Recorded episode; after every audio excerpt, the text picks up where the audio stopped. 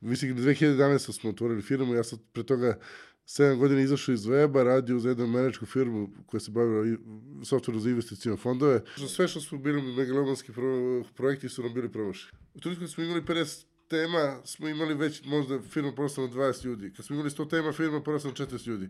Kad smo imali, ne znam, 300 tema, fir- firma porasla na 100 ljudi. Nekako je, i taj broj tema bio propraćen brojem ljudi u firmi. Razlika naših pristupa celoj estetici je što smo, nama je lakše da nađemo čoveka koji ima kreativan je, talentovan je, i da ga naučimo tehničkim stvarima kako se dizajnira u webu, nego da uzmemo gotovo nekog ko zna tehnički web, a nema u sebi kreativnost. Treba ti nekad 6, 7, 10, do 12 meseci da ti se vrati ulaganje.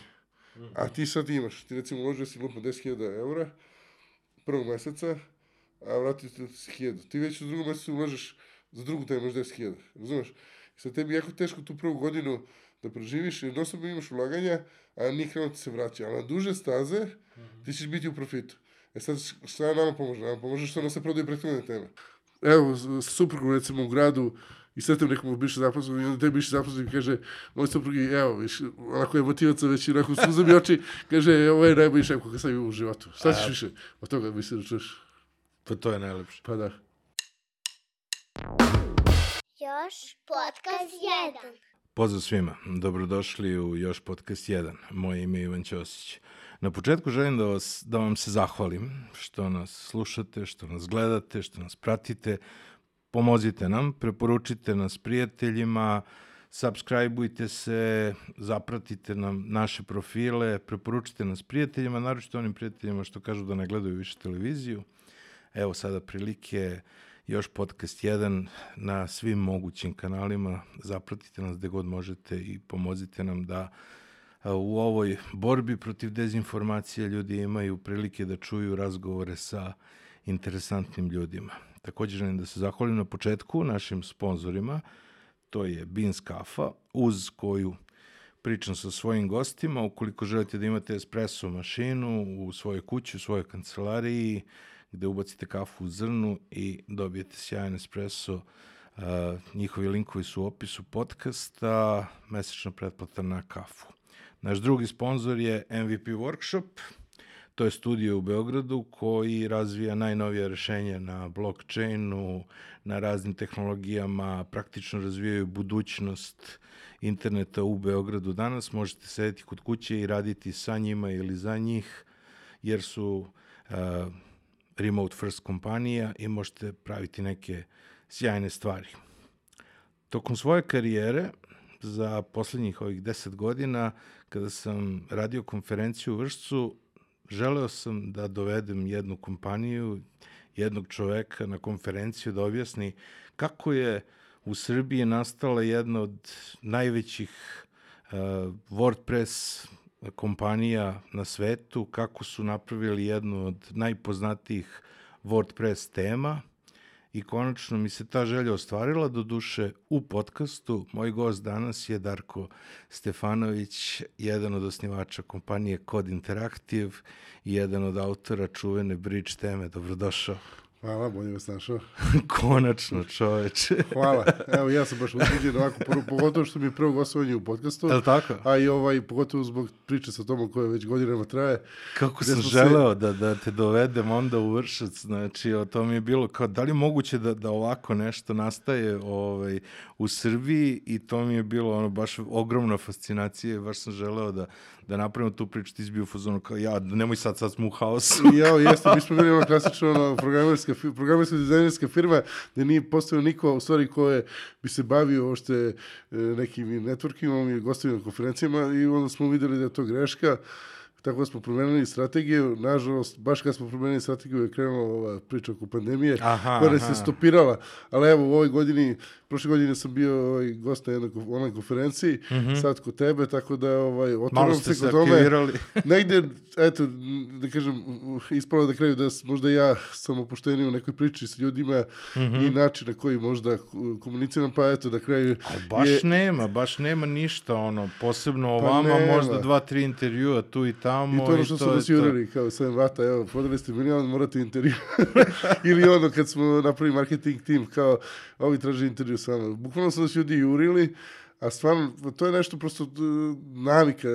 Ako radiš 15 godina na neki način, ne znam, stručnjak si, inženjer, programer, sve, i sad te neko izvuče sa stola i kao, ajde da držiš predavanje. Znaš, nemaš nikakvu naviku, nemaš odnos prema tome, imaš malo i, i tremu, i strah, i naravno sve to ovaj, prirodno kad se čovjek nečim ne bavi. Ja sam ja ukapirao tako da u stvari e, pričajući pred više ljudi, konkretno WordCamp Berlinu sam postavio par pitanja mm velikim, baš velikim predavanjem, sam vidio da nemam u stvari tu tremu. Iako sam mislio da imam, Mhm. tek sam držao govor za proslavu nove godine, posljednje, obično je moj partner držao govor, a onda je ispalo na kraju... A to ovaj, ono kao ispred firme svoje. Da, da. Aha, Ali obično je on nekako, prosto nekak, negde on možda više front lice firme, realno front lice, jer je svoj Mhm. zaslugu i svim tim i, i, i, i deo posla kojim se on bavi, koji je opet kreativni za razliku od mog programerskog je prirodno kad je e, e, posao WordPress temu pitanje koji je kreativan posao, da neko koji sa te kreativne strane bude front lice ovaj, Aha, aha. firme, ali se ispostavilo da u toj komunikaciji s ljudima prosto ja imam možda manje treme i nekako sam opušteniji i taj govor je onako baš sam ogroman aplauz dobio i tad sam i ja dobio negde ovaj, onako da kažem ovaj, samo, po, samopouzdanje leđa. da, ovaj, da ipak ovaj, očigledno imam to u sebi, da mogu da pričam, da mogu da budem opušten, da to ljudima bude zanimljivo, da ne bude nekako suvo i dosadno i tako. Ali jako mnogo firmi generalno se trudi da učestvuje na događajima, da daje intervjue i ostalo zbog onog kao employer brandinga, da bi privukli ljude. Koliko vi sada imate Pa mi imamo sad zaposleni? 120 i nešto. Znaš kako, problem je kad nemaš Kako su vas nalazili ljudi? Pa je, vratno bi se mi time bavili da ne nismo imali dobre rezultate. Pošto smo imali dobre rezultate, onda si se fokusirao. Aha. Razumeš, ako već zaposliš ljude, onda, znači, očigledno završio si posao taj. Znači, nema potreba sad da još dodatno radiš na Aha. brandu ili ne znam, ako u tom trenutku prodaja tvoj tema ide dobro, zašto bi te programere sad odvojio, ne znam, neđu dve od razvoja tema, da idu na neke konferencije, a ovde, mislim, najveći korist za firmu. Znaš, to su neke prirodne stvari kako je nama tek u razvoju. Naravno, dosta se promenilo toga i tad smo i krenuli da ulažemo u marketing. Pričat ćemo kroz taj razvojni put kako se promenio i market i sve. I kad je Vato prosto prestao da ulaže u marketing, prebacio to na autore, samim tim se i naravno i naš odnos prema tome promenio i doveli smo ono, partnere da nam oforme marketing tim, a možemo više o tome kasnije da sad ovako ne idem iz neke sredine, ali Ja prosto... bih želeo prvo da, da zainteresujem ljude da ostanu uz nas, zato što ipak je, nije mala stvar da tim iz Beograda napravi drugu najprodavaniju temu na svetu. Ovaj. Mada kada se gledaju sve teme nije baš druga, ali na, na, jedn, na najveću, u najvećoj prodavnici tema je tema koju ste vi napravili dugo, dugo godina bila druga. Ovaj, sad se malo tržište promenilo, pa ćemo i to objasniti kasnije. Ovaj, I dalje ste u ukupnom zbiru drugi, samo na malo drugačiji način. A, gde počinje tvoja priča? Misliš ovako stručne priče? Pa nemam pojma, kompjuterska Kompjuterske priča. priče, pa ajde, često pominjem tu priču, ima se seća što mi je otac ovaj, negdje iz nekog IT-a, doduše to je više Aha. knjigovodstveni IT, ali onako... Pa to je bio prvi bio- IT, prvi profesionalni. Jeste, ali bio mladog duha uvek, ovaj, ne znam, preminuo pre godinu i po dana, ali on je od, poslije svojih dana uvek, sine, sine, a šta je ovo, sine, sine, pa onda on mene zove, sine, ste imali rekord ove nedelje, sine, znači on je sve onako pratio. Aha, pa sad, aha, a sine, učestvuje u uspehu. A što je ova tema ovako? Znači on je uvek bio zatiželjen, Mhm. tako je bio i kad je bio mlađi, nekako je premao na mene tu zatiželje od kompjutera, a imao sam sreću da dove, donese prvi ZX Spectrum čet- 84. u kuću, Wow. tako da to baš rano, a prvi PC... To ono sa sve kasetama. Da, da, da, da, da. A prvi PC je 86. što je baš rano. Uf, je. Da.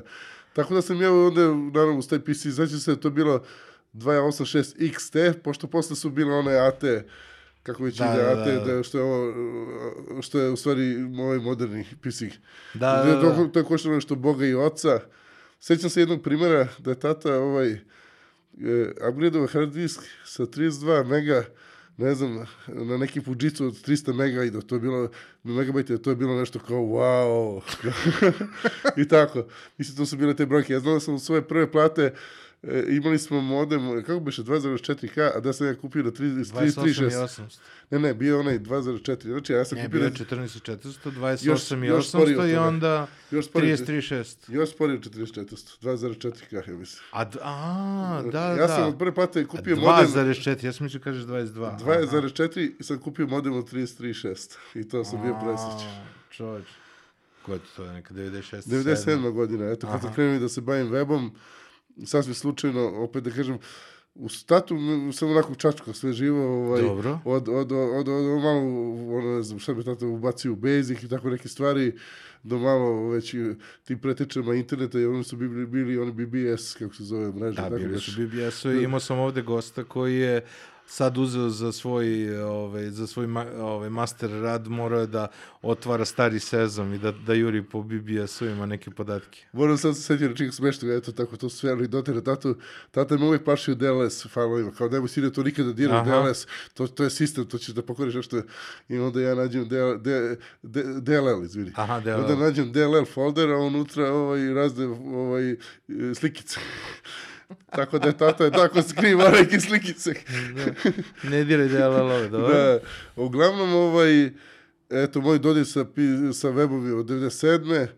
V, ne znam da li sad da pričam detalje tog prvog susreta. Od- Sasvim slučajno je to Ali krenulo. svi pamte prvi sajt koji su napravili. Pa sasvim slučajno, eto, otišao sam na sajam knjiga, e, drugarica je bila na standu mikroknjige, Mhm. predstavljala me ovaj, direktor i rekao, ovaj moj drug, on kao sup kompjuteraš, zna s kompjuterima, i onda je on mene pitao, pa jel bi ti učestvovao, ne znam, treba nam ljudi da kao lekturišu prevode, jer prevodioci suviše bukvalno prevedu, znači kupite se literaturu, ali to ipak mora malo da, bude, da ostane u duhu Dobro. tog jezika. Ja sam rekao, baš stvarno me ne zanima to čitanje knjiga i, i lekturisanje. A kaže, ali bi pogledao sajt, ovaj, radio na čovjek neki sajt, nisam zadovoljan, ja kažem, bi, nisam stvarno nikad uh, to probao, ali bi bilo je ekstra interesantno. Mislim, jako brzo sam ušao to, održavao taj sajt dve, tri godine i tako polako ulazi u drugih poslove.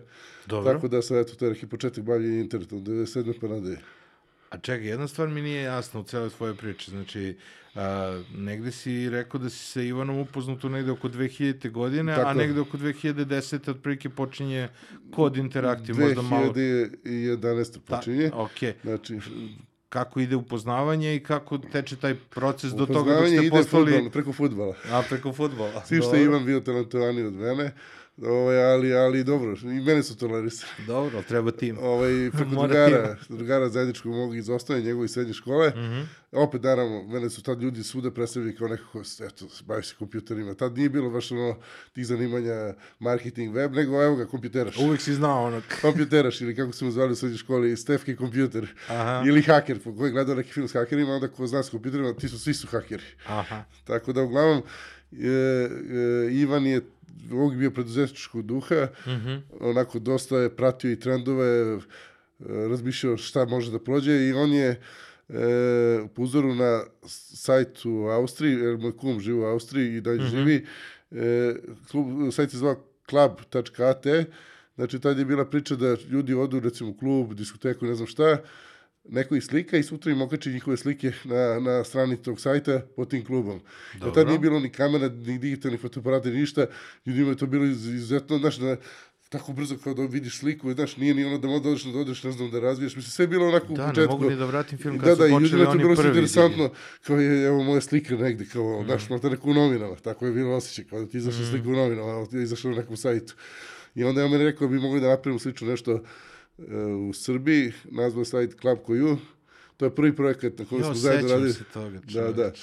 Pa Ivan je tu stvarno neke mnogo dobre stvari odradio. Mhm. Recimo, on je skapirao da tu ljudi sad e, upoznaju se po klubovima, tu se negdje fotografišu, ali no, daj da im omogući na tom sajtu da komuniciraju. Pa je onda napravio Mhm. profile, pa prvo je napravio je forum, pa je onda kapirao ipak ljudi u forumu neće baš da budu opušteni, da je da omogućimo privatne poruke. Mislim, preteča nekog Facebooka pre Facebook. Da, da, da, da. I mogu kažem da je ovako... Bilo je dosta Bilo je tih, baš bilo je dosta tih nekih projekata u, generalno kod nas na, na sceni koji su bili Facebook pre Facebooka, a, velika većina ljudi uglavnom visila po forumima. A, Da. I tu je bilo Pa gomila dobro, forumima svega toga. da se pazi šta se priča kada pošli Jeste, nekom privatnu jeste, poruku, jeste. onda je već ovaj... Ali bilo je, a samo ne mogu da vratim film kada, ali bili su privatne poruke i na forumima. Nisu bile onako kao instant chat, ali bilo je ono kao... Ne, ovo je bukvalno kao, stvarno izgledalo koji sad što izgleda. Znači, Da, da, da, jedan da. ispod drugi, jedan ispod drugi. Sjajno, sjajno. Znači, kao sad, e, kad čitaš SMS-e nešto. I A je- čekaj, jeste radili tokom tih 10 godina i na nekim drugim Da, da, pa, projektima? pa, mi smo Pa, bili, aha. da kažem, i prijatelji. Aha, I onda aha. on mene uvek angažao, kad god ima neki IT projekat, Mhm. pošto je on tako stalno preduzet- preduzetničkog duha, To je super, I njega dizajneri su onda angažovali recimo iz British American Tobacco da im pomogne da postavi Sly Klabotek, baš zato pošto je postavio Klab koju. Pa onda njegova saradnja, godinama je bila sa, ne znam, sa British American Tobacco oko nekog direkt mar- marketinga, pa im je trebao, ne znam, software za call center. Znaš kako su oni tad ono, dođu ti sa, ne znam, nečim uzeti podatke, pa ti onda po sutra pošalju neki poklon, pa ovo, pa ono. Da, da, da. Neko je sve to trebao da, da ima tu bazu da menadžuje, pa da proveri ljude, jesu to oni, pa koji poklon kome ide, i onda sam ja tako isprogramiram, isprogramiram ovaj softverčić za to. Recimo toga se sećam, ali bilo tih poslića ovaj, tokom 10 godina, onako smo ovaj, napravili neku dosta dobru vezu i poverenje, u smislu, on je mene jako puno cenio kao programera, Mhm. a ja sam njega cenio kao neko ko je onako preduzetničkog duha i inovativan, tako da je nekako bilo i prirodno da, da ovaj, kad god se ovaj projekat, mislim da sarađujemo. On je uvijek gledao da meni nabaci, Mhm, čak i klab, Klabotek je teo da meni nabaci, ali on, pošto je bio veliki projekat, Ovi su hteli da izaberu ipak neku firmu kao koja ima, a ne pojedinca. Mislim da su rekli to ovako, ali on je forsirao da ja to radim. I čekaj, sad, ti si negde si, ovaj, negde piše u tvojoj biografiji da si i pravio i neki svoj CMS i ostalo, ali mene interesuje, znači, u kom trenutku vi vidite WordPress i kao ovo će da bude super? Pa evo ovako, pošto, ajde da kažem, naša firma. Mm -hmm. Ovo što, što pričam ljudima kad dođu na intervju za posao, kratak, Aha, aha. kratak uvod, ovaj, mislim, 2011. smo otvorili firmu, ja sam pre toga 7 godina izašao iz weba, radio za jednu američku firmu koja se bavila softverom za investicijne fondove. Aha, to bi aha. prosto bio neki, da kažem, iskorak. Poznat sam prosto da se približio na firmi, nisam jurio taj posao. I, ovaj, Ivan je opet isto imao neke svoje razne investicije, projekte i tako dalje. Negde se došlo do zasićenja u toj firmi moje i prosto mog zasićenja mog posla, jako stvarno ogromno iskustvo. Ivan isto u tom trenutku, nekako da kažem, i ti projekti su se utihnuli i počeli smo da komuniciramo, ne znam, 6-7 meseci, ajde nešto zajedno da pravimo, Mhm. ajde. Meni je bilo muka više da radim za druge, da se lomim, njemu isto muka. Baš se potrefilo slučajno da upoznamo ja neke Amere, jer ja sam tad bio baš tri meseca me slala ta američka firma u San Francisco. Mhm. Ja sam iskoristio da odem do LA i lično upoznam te Amere koji su trebali imati outsourcing tim da šalju razne projekte. I baš kako sam sletao ovaj, iz San Francisco u Beograd, on sam rešio da dam otkaz. Mhm. I ja imam smo pre toga dogovorili da napravimo firmu, to je da kažem, mi vodimo kao da je neki datum kad smo, kad smo otvorili firmu 15. avgust 2011. Krećemo da radimo s tim Amerima. Aha. Među vremenu, kažem, ja sam se dosta dugo pozicionirao tu u Srbiji kao neko ko se bavi webom, radio sam i sajt Rade Srbije na mom CMS-u, da sad ne pričam dugo, ali odatle su proistekle umeđu vremenu da su mi te stare veze, recimo su razvali da radim neke projekte za državu i za lutriju i tako dalje. Mhm. To nam je sve pomoglo da polako gradimo tim. Ovaj, I pre svega, ono Kol, što... koliki je tim bio Pa na ne tom znam, krenuli početku? smo ja Ivan i evo i dan danas su sa nama, znači Mladen, ovaj, baš je tu sedio s njim i, i Sale, su prvo zaposleni koji su i dan danas sa, sa nama, znači naš četvoro smo krenuli, da kažem, Mhm. tu u prvom ofisu. Veoma brzo smo, mislim, porastili 6, 7, 8. Ja mislim u trenutku kad smo krenuli da se bavimo tema da nas je, bi, tema da nas je bilo, ja mislim, 12 tako nešto. E sad kako ide ta priča bavljenja temama, znači, ovaj, pre što ajde, stvari, pre toga bitno da kažem, mi smo stalno razmišljali kako da napravimo uspešnu firmu, Mhm. ali teško je da ti u 2011. se takmičiš sa programerskim firmama. Recimo imaš da. Omniku, imaš ovo, imaš ovo. Znači imaš gomilu, sad ti si godina iza, iza njih. Kako da dobiješ posao, kad jasno da su oni jači od tebe. Ali tad niko nije vodi računa o frontendu i dizajnu. Bilo je samo da bude kulturno. Niko se nije bavio nekim animacijama, CSS animacijama i tako dalje. Mi smo rešili, ok, pošto ovo niko ne radi, daj da ulažimo tu. Čak smo recimo te projekte za Lutriju uložili mnogo više rada nego što smo naplatili, baš zato da bi počeli polako da gradimo brand, da se ljudi prepoznaju kao nekog što radi nešto drugačije. Što ono stvarno su bilo neki ludilo i animacije i sve to, i način kakav je dizajnirani sajtovi i sve to. Aha. To nam je dalo predznanje za WordPress, a sam ulaz u WordPress je e, ovaj, zanimljiv. Mislim, uvijek mi smešno to je došao neki projekat od Amara. Uglavnom se Ivan nije mnogo bavio tim projektima od Amara, jer to je već uigrano, nema tu on šta da pomogne. Znaš, ja, oni njima treba programerski posao. So, so, to ja prebaci programerima, ja sam najviše isto radio tad. A Ivan gleda ove domaće projekte i da traži neke još prilike. I međutim, radići, dok smo mi radili neki s- projekt za Amere, da customizujemo neku temu, WordPress, kao, odakle ste kupili temu s tog sajta, mi nastavili da programiramo, a on pokucao ti Forest, sačekaj šta je ovo, aha, teme, weekly list, aha, čekaj, ovi su prodali, ne znam, hiljadu i po tema prošle nedelje, ček, ček, ček, ček, samo malo. Matematika, pa- Matematika, čekaj, tema 60 dolara, ček, ček, ovde uzima sajt, uzima 30%, ono, je, evo to ovi, bip, ovi, Nema- ovi uzeli 30.000 dolara prošle nedelje, da li je moguće, znaš, tako je krenula u stvari cela priča, da li je moguće da neko zarađuje 30.000 dolara na nedelju, znaš. Jer to je bilo stvarno ogroman novac. Mislim, u bilo kom poslu, mislim, to sad neke velike firme da, ali ovako male programske firme teško da mogu Da. da, da napravim nijednu da je mogla da uzima 30.000 i da uzme preko 30.000, to ima da se oteli dok ga završi, dok ga naplati. Mm, Tako da je, onda ima rekao daj da pokušamo to. matematika. To je kraj 2012. Početak 2013. smo izbacili prvu temu, Mhm. minimum. Tad je izašao Da. minimum, znači 2012. na 2013. Pa 2013. u februaru izašao. Aha, A u drugoj polovini 2012 smo krenuli da razvijemo framework i Mhm. prvu temu. dobro. Opet smo primenili malo razmišljanja i analize šta bi to bilo drugačije na marketu. Ok, minimum, znači minimalistički dizajn, to je nešto Mhm. smo... Videli smo, recimo, tada je bio izašao sajt Mercedesa i par nekih svetskih sajtova se izašao u to nekom fazonu, videli smo da to neki trend koji, Aha, koji, aha. koji je očigledno interesantan sad, a nema još puno sajtova. I onda smo rekli, ajde da ponudimo marketu u tom duhu nešto, jer nema nijedna, nijedna tema u tom duhu.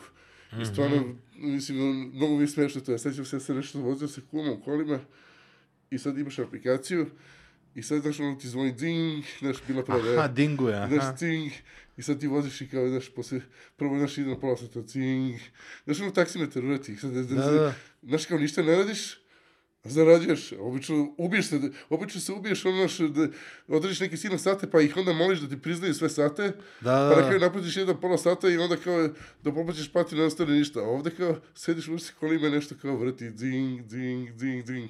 Mislim, bio je mnogo dobar osjećaj taj u početku. Posle si morao da isključiš notifikacije, verovatno. Počeo da boli glava.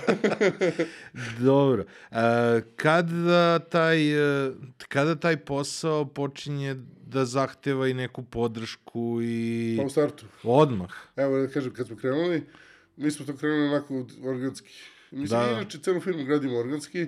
A to, kad ste shvatili da kao nije, nije više posao samo napraviti Kad temu, da ne... kukam.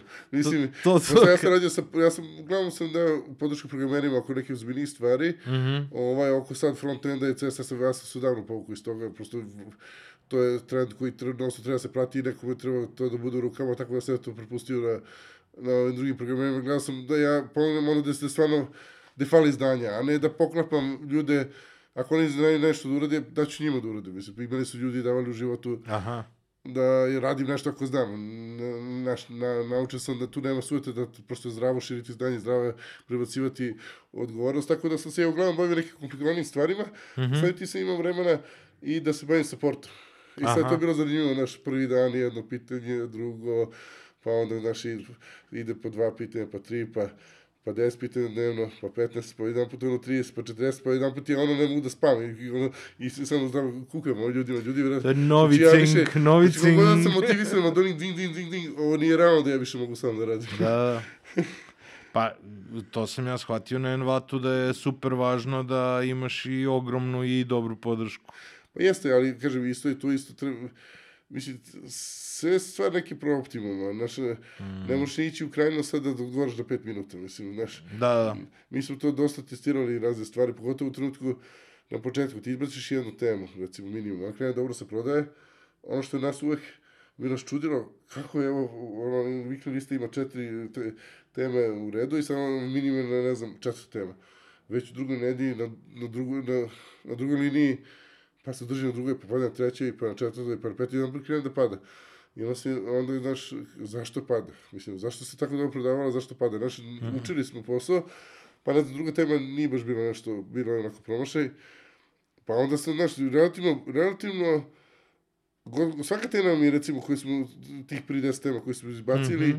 je i ušla na Wiki listu u prvoj nedelji. Što je, Aha, što je bio tad i uspeh veliki. Ali, ovaj, kako se zove, su isto tako krenule brzo da padaju. I dugo smo se bavili, daš, analizom, jer tad su bili uključeni affiliate nismo tačno mogli da procenimo koliko dolazi saobraćaj kupovina od affiliate ali njihova Google analitika nije baš Mhm. skroz precizna. I, i, i, I to nas je dugo mučilo, tako da, tako da e, to sam, zašto sam to ispričao? Zato što u tom trenutku krene, pada, kad krene da pada prodaja, ti upadaš u paniku i u tom trenutku recimo ti support više nije bitan. Bitan ti je da izbaciš sledeću temu. I ti možda ćeš kaži sad sledeći ti dan nema odgovora na tikete, Mhm. zato što prosto ako ne izbacimo sledeću temu, neće biti za plate, razumeš? Aha. I onda u nekom trenutku ti možeš da praviš kompromis. Znači, ti kompromis se dešavaju više puta kroz naše postojanje. Aha. Recimo, kad ti izađe, kad, ne znam, neka nova verzija ili pukne neki plugin koji se koristi u 150 tema, ti moraš da uzmeš da to updateš. Znači, ne možeš u Au. tom trenutku da radiš ni sa supportom, ništa drugo. Prosto to moraš da uradiš. Da, Ti da, nekad, da. nekad što... Sigurno nećeš da žrtvuješ razvoj tema, jer od toga živiš, a žrtvuješ support u tom trenutku. A tu je najmanje šteta žrtvovati. Da, Razumeš? da, da. Imaš nekad neke odluke koje su teške, a koje prosto moraš da doneseš. Naravno, ti to posle nadoknadiš sve. Da, da. Ali ti kažem da nikad nismo hteli da uvijek smo razmišljali šta je po prioritetima šta je bitno i od čega zavisi opstanak firme. Znaš, jel, jeste to krenulo lepo, ali dalje smo, nismo bili opušteni. Znaš, bilo nam je lakše da isplatimo plate nego ranije, jer ovde si zavisi da će ti plati klijent, da neće. Ovde znaš da stižu pare redovno, ali dalje nisi znao da će, kad će ta tema da, daš naglo da padne. Da, I i, onda o... padnu, naglo padnu prihodi. I onda bi imao sigurno ostao taj strah, ajde izbacimo sledeće, ajde izbacimo sledeće, izbacimo sledeće, a s druge strane, mislim da je to u karakteru mom i Ivanom Bilom, jer smo bili dovoljno zreli i prošli smo u životu i kroz uspane i padove, osetili smo šta znači i, i, i biti uspešan, osetili, smo šta znači kad doživjeti neki neuspeh Mhm. i samim tim nam to nije dozvolilo da, da se opustimo, da ono, znaš, kitimo sa znaš, svojim uspehom, kažemo super smo mi, znaš, sad ćemo se opustiti, sad će biti sve dobro, znamo da prosto problemi će kad tad da nastanu, što se dešavalo mnogo puta do sada. Pa dobro, ali sa, a i sa druge strane, M što ste na, na jednoj platformi, znači zavisite od softvera koji nije vaš, zavisite od platforme koja nije vaša, ali ste se veoma, što bi se reklo, dobro kladili.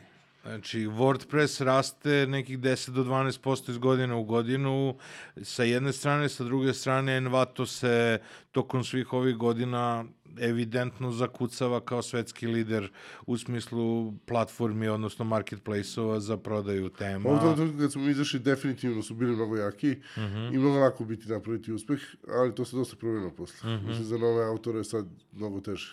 Pa verujem, da, Da. to sam već pričao sa ljudima koji su iz stok fotografije ostalo za nove fotografe koji ulaze u priču je dosta, To ćemo dosta, doći kasnije do to je te... dosta teško. Kako nastaje bridge? Pa Bridge nastaje, e, to je isto zanimljiva priča. E, imali smo tad, Valentin nam je bio lead dizajner, on je godinama bio u firmi, pa on nešto čovjek da izađe malo da promeni. Mhm. A, ovaj, I došli je mlađi dizajner, ja vam sveti sad tačno kako se zove.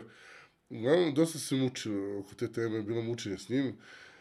I dosta se radilo, dosta došlo i Valentin pomagao i Ivan i sve to. Mhm. I, i onako stvorio se neka nervoza i niko da zdaš teme, niko i na tutku je taj dečko od tog pritiska samo iznervirao se, rekao neće više da radi, otišao.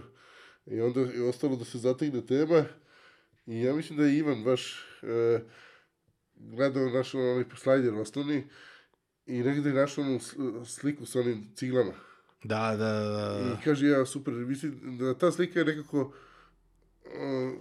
kad je, kad je ta slika stavljena, nekako se sve sklopilo. Aha, A pre toga aha. smo bili jako nezadovoljni, stalno je nešto falilo, stalno su bežali razbaci, stalno nešto, i nekako, to je jedan projekat koji se onako, dosta smo se mučili s njim, I nekako ta slika, onda svi kad smo gledali sviru, kao, kakva slika, au, ovo je sad super. Znaš, do tad je bilo ono, kad ću više da izbacimo temu. Svi su, znaš, svima je bilo muka od bridge. Da, to Tako da vreme to je je- bilo ono vreme gentrifikacije i preuređivanja tih nekih starih objekata na neke fore i fazone i onda da... Pa ne znam, je- ne kažem da je ta slika, ta slika plus, ona je nekako popunila celinu, da to sad jedan put je proizvod koji ima smisla. Mi nikad nismo hteli da radimo stvari na pola, recimo da ti sad pola proizvoda ima neki koncept, neku estetiku, druga polovina, da bude nesređeno, nego da to sve zajedno bude u obličen proizvod. A nekako nam je ovde bežalo. Te stalno nam je nešto bežalo i nekako kad je ta slika došla, tad se nekako i ostalo je posle toga leglo, nekako prosto energija se neka promenila, završili smo brzo, zategli još sitice, izbacili i to je bilo ono rocket, bukvalno prvi put, odmah kad je izašao to krenulo da bam. Odmah? Ma da, odmah. I kod Bridge onda smo se isto plašili šta sad raditi, više nismo stavili da izbacimo novu temu, jer smo se bojali da u Da Evato, ne, da ne ugrozite u bridge. Evato analitici, kad tema nije postavljena od autora, da negde pada u srču njihovo. Znaš, ako sad ubacimo novu temu, ugrozili bi Bridge. Aha, To smo se bojali, nismo imali dokaze. Ali bilo mi je čudno kako, kako izbacuju nove teme, sve ove stare, samo još više više padaju. Znači, ko da, prosto imalo logike razmišljati na taj način. Da nismo imali... Druga stvar, razmišljali smo kako temu da, na, mislim, znaš, mi smo dodavali sa neke stvari, recimo kod drugih tema koje su bile uspešne. Mm -hmm. Ovaj kaže, aj dodaj mi, jel ima, imate ovakav slajd, jel imate ovakav uh, short kode, imate ovakav, ali to nikad nije pomoglo da tema se održi. Pa smo mi razmišljali šta bi to bilo krupnije, što bi ponudili ljudima, ovaj, da bude atraktivno, znaš, da, da oni dolaze stalno i kupuju novu temu. Onda smo rešili, a što ne bismo napravili više opcija u short kodovima, u globalnim ocima, sve, i da sad svake nedelje izbacimo još novi demo sajt. Jer mi smo prvi koji smo u stvari krenuli na celom tržištu da izbacujemo Stvarno? Da, znači, od A nas su nije imala to? Ne, ne, mi smo prvi, ubedio, i bi, svi su iskopirali nas. Aha, aha, aha. Znači, mi smo prvi koji smo krenuli uopšte da izbacujemo više dema na temi. Znači da jedna tema može za one koji, koji nas Da, da. ne- Mi smo, ti, mi, mi smo ti koji, su, koji smo negde i pokvarili možda ovaj WordPress ovaj, iz Aha, ugla nekih ljudi koji ga gledaju onako čisto, čisto, čisto. Da, da, znači nije više jedna tema bila za jednu vrstu sajta, nego si u okviru Pa, jedne teme. si, zato što, zato što što kod imali toliko opcije kad sam izveš, Da. da. kad kod da pišeš, pišeš CSS. Da, hoćeš i fontove, hoćeš razbeke, hoćeš rounded corners, hoćeš ovo, hoćeš Da. bordere, nećeš bordere. I ti onda praktično možeš da napišeš x varijanti jedan short koda koji će se kupiti estetiku tog deva. Da, e, da, e, da, sad da. Je to napravilo, s druge strane komplikovano za neke ljude, jer kada čovjek otvori ono milion nekih opcija, znaš. Jeste. Ali, ali s druge strane, ima ljudi koji znaju što su opcije, njima je to prijelo zato što su mogli sve da urede. Da, da, da. Tako da sve to dolazi sa, znaš, ima svoje pros and cons, kako kažu ljudi. Da, da, da. Pa, Ali prvi smo u tome, znaš, i onda je, i to je negdje i dalo rezultat, očigledno, jer je Bridge, Vi praktično umesto da razvijate nove i nove i nove nove teme, vi ste unutar iste teme razvijali nove i Tako nove je. demoje i s time samo dizali popularnost svoje već super prodavane teme. tako pa, je. Ali kažem, je nastao kao i svaka druga tema, ne sa idejom da bude Pa ne, proda- prodavana. ali da- možeš da znaš da će neka tema ono kao Ne, unapred. zato što da- sve što smo bili megalomanski pro, projekti su nam bili promašeni. Znači, baš smo konstatovali to juče rekao u internom sastanku, kad hoćeš tako sve da ovaj, u startu, i ovo, obično to se ne primi, a, a kreneš nešto što je organski, što ljudima treba, i ako pogodiš, ne pogodiš svaki put, onda si pogodio. I onda će ljudi to krene da koriste. Znači, neće ljudi krene da koriste nešto što je megalomanski, nego zato što ima neku upot, za njih upotrebnu vrednost. Sad, jako je teško sad, mi smo recimo imali ovaj, taj Mikado projekat. Mi smo, ajde da kažem, na tim forestu imamo pet profila, to je, vratno im vidite na našem sajtu. Video sam, da. Pored koda imamo Select Teams, imamo redom kako smo ih otvarali Edge Teams, eh, Mikado Teams i Late Teams. Mhm. Razlog za to je više, ima razlog za to, e, s jedne strane mi smo gledali opet, kažem, zrali smo ljudi, e, ambicizni smo bili kako možemo posao dalje da da ga povećamo. Mislim da prosto firmu, zaradu, broj ljudi da povećamo ceo biznis Mhm. i shvatili smo da možemo da skaliramo. Znači da umesto da se radi jedna tema na nivou firme, Dobro, ne da radimo dve teme paralelno, pa da imamo dva tima, dobro. pa tri teme paralelno, pa četiri, pa pet, pa deset tema A to paralelno. su timovi unutar iste firme. Tako je. Aha. Znači, a sve teme se radi iz A istog šta kao imaju različitu kancelariju ili šta? Ne sve zajedno, nije bitno. Da. nego, nego prosto tebi za izradu teme treba, mora da ima jedan dizajner, Dobro, mora da ima obično dva programera, jedan senior i jedan junior. dobro. Može i više, ali ne treba ni previše priklapanja, zato što onda će se priklapati u modulima. On će radi, ne znam, blog listova i blog singlu. Mislim, uh Mhm. -huh. da čovjek koji radi odredi ceo blog, zna tačno gde šta, kako stilove postavi i tako dalje. Mhm. Tako da uglavnom dvoje ljudi. Onda smo shvatili, a što ne bismo sad imali recimo, ne znam, tri tima da radimo tri teme paralelno. Međutim, nismo to smeli na kodu zbog bridža da, da ovaj, kačimo, da ga ne ugrizamo, pa smo napravili Select Teams. Aha, aha, znači pravi se kao nov, novi tim. Novi brand, Aha. novi account na vatu. Da, Jako je da. firma iza isto. I to, Da. ja to znam, mislim, oni nas, oni nas zovu kao kod grup, tako je. A Code Group, aha, Da. aha, dobro. Stvari, izvini, zvali su nas Mikado grup, ovi neki Ukrajinci, Aha, mi kažemo što Mikado, pa ne znam, tako smo mislili, kažemo, mi smo original kod, kaže, a mi smo zvali Mikado grup. aha, pa dobro, samo nije šije nego vrat, dobro, okej. I onda smo shvatili, e, pošto smo postali baš ambici, vidjeli smo da to pije vodu, rekao, ok, krenuli smo sa dve teme mesečno, pa sa tri, pa smo shvatili da je Vato ima limit koliko možeš tema da uploaduješ na review. Recimo, on ti da tipa da možeš jednu ili dve teme, znaš, i onda ti imaš sledeću temu spremnu da uploaduješ tamo da ono mm -hmm. review, ali ovi ti ne daju. I onda smo rekli, ok, fali nam još jedan profil, pošto imamo teme koje su gotove, mora negde da se okače. Da ih, razumeš? Dobro. Tako smo napravili treći profil, Treći profil nema tim iza sebe, on je samo služi kad... Pa ne, s, s, svi ti timovi rade, zavisi kako tema dođe do dizajnera, nije bitno s kog, iz kog profila. Oni uzmu, aha. znaš, to je kao na traci. Imaš dizajnere koji ti dizajniraju, Dobro. iz njih izađe Photoshop i koncept i sve, i sad, i sad kaže, ovaj dizajner izbacio ovo, koji tim je slobodan, aha, ovaj tim će da uzme taj, tu temu, onda sledeći dizajner izbacio ovo, koji tim je slobodan, a to ne znači da će ovaj tim opet, Aha, aha. a smo se trudili negde, ako može, da se drži istog komunikacije, ali nije moralo. Aha. Imali smo razne pokušaje, negde, u jednom trenutku smo ih držali iste, pa smo ih onda vidjeli da je bolje da se razdvoje i tako. Dobro, a nije bilo nekog rešenja ono dalje unapređivati bridge ili je... Ja smo mi dalje unapređivali, ali posto nije bilo toliko posla, mislim, ti vi, jer ti u trenutku si dodao sve moguće opcije, Da. i više nije bilo programerskog posla, nego samo ovaj, dizajneri i graditelj. Ajde, da pomenem graditelje, to je pozicija ovaj, koja je isto nastala, nastala organski. Dobro. kad smo izbacili prvu, drugu temu, naravno, znači, ono, naš, svi se sad tu, žu- naš mali tim, nas, ne znam, tri, dva programera, Ivan, dizajner Ivan, ja, svi sedimo kao zatežemo temu, onda svako puni, ovaj, ovaj, ovaj ubacuje about ta stranu gradi, ovaj ovu stranu, ovaj ovu stranu, i onda u trenutku shvatili, znači što bi sad programeri i dizajneri trošili vreme da kreiraju stranu WordPressu, Dobro. Daj da zaposlimo čoveka ovaj, za to. I onda smo zaposlili nekog druga iz civilne vojske, Milančeta i on je s nama i dalje, ovaj, da on krene da gradi demo sajtove. Aha, I mi to znači- zovemo graditelj, pošto gradi demo sajtove. Pa sjajno, znači graditelj je potpuno nova pozicija. Da, e sad, da li kako rasla A šta firma, je potrebno za to? Za to je potrebno neki ono kao kreativni smisao Jest. i osnove svega. i to je, e, ide, to je pozicija koja zahteva tehničko estetsko znanje. Aha, E, sad, zašto je to dobra stvar? Zato što, kad smo shvatili, onda dobro i Milan je, niko nije znao to. Milan je posle prešao na support i on je bolje za support, Mhm. a smo shvatili umeđu vremenu da se troši opet vreme dosta dizajna da to popravi, da ipak nam treba i ljudi tu koji imaju više osjećaja za estetiku, ali ima i taj tehnički mozak da shvate kakva je struktura sajta, da zna Mhm, kako su to sekcije, kako je ta hirarhija, šta je to. Da nisu ono skroz umetnici koji nemaju pojma da se nalaze. Kapiram. Da, tako da smo dali oglas i onda shvatili da nam se javi gomila ljudi sa arhitekture. I ovaj, Kojima je prirodno da budu koji prirodno bilderi. nemaju posao, završili smo i odlično su imali, imamo sa njima, ne znam, nema Mira koja nam je tu u top managementu je, Mhm.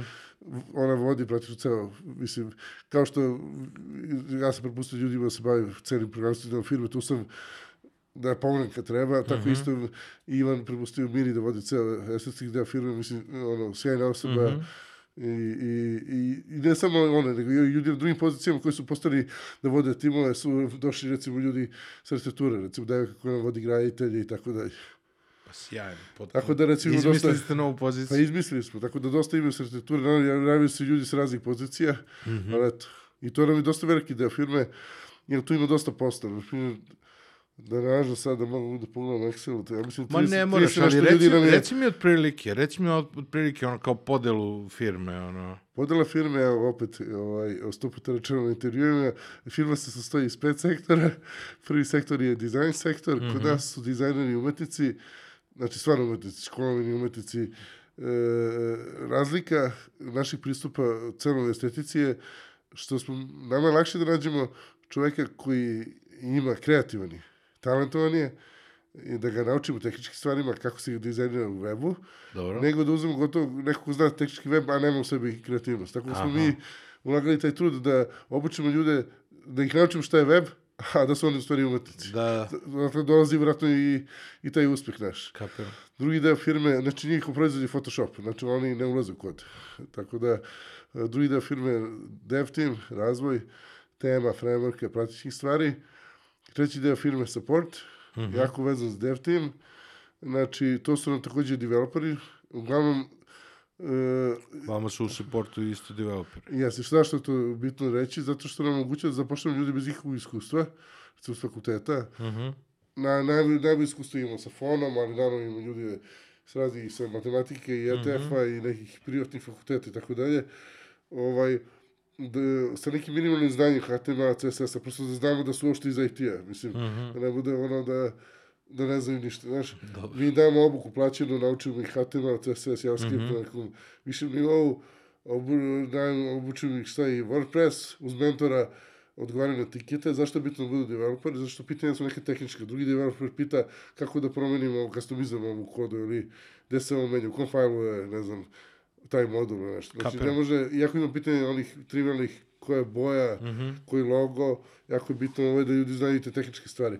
I zašto je to super? Zato što nam omogućuje da oblikujemo ljude kad pređu u dev team da budu 100% spremni za taj dev team. Aha, oni, oni mo, imaju opciju da, da napreduju A u većina dev team. developera, 90% je prošlo kroz support kod nas trenutno. U, pa sjajno, ko bootcamp. čoveče. Pa da, odlična stvar, stvarno odlična stvar. I to je sve plaćeno, mi nemamo one fazon e, prakse i te stvari. Pa nema ko da se bavi time. Mislim, ono što ti rekao, nismo imali ko da ide na konferenciju, ko će da se bavi sa time.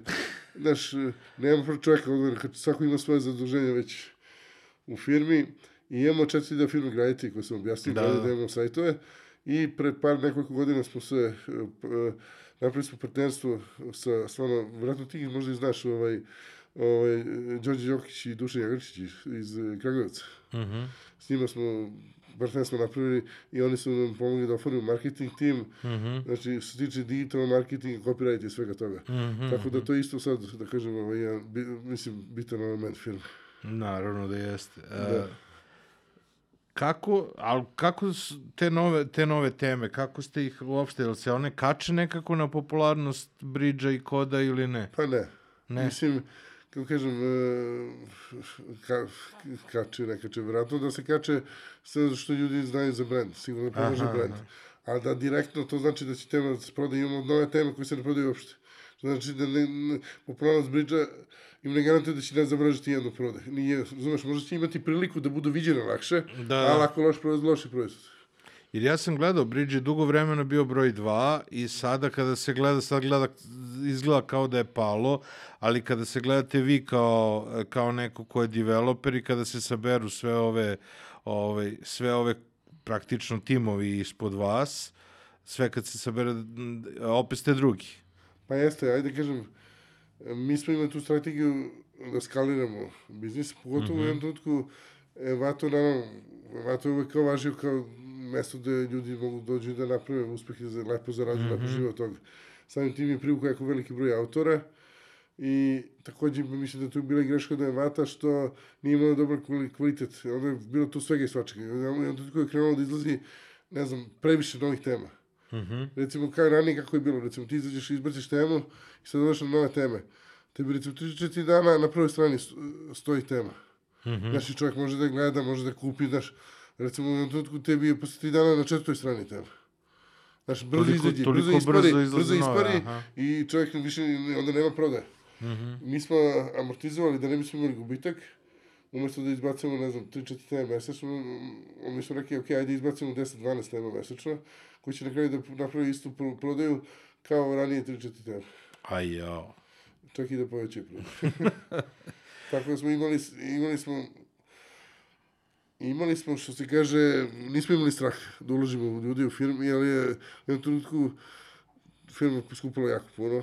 Mislim, mm -hmm. onako kad sad, mislim, ako ti trebaš lupom da odvojiš 100.000 nečega i svakog meseca, mislim, to je poprilično onako velika odgovornost i možda i negde ovom čovjeku vrata, znaš, ti osjećaš odgovornost za te ljude i zaposli njihove porodice, znaš, i onda moraš da budeš siguran da znaš šta radiš. I onda ljudi neki prosto se uplaše od toga i kažu, neću da uložim da se skaliram, a mi sve nismo plašili.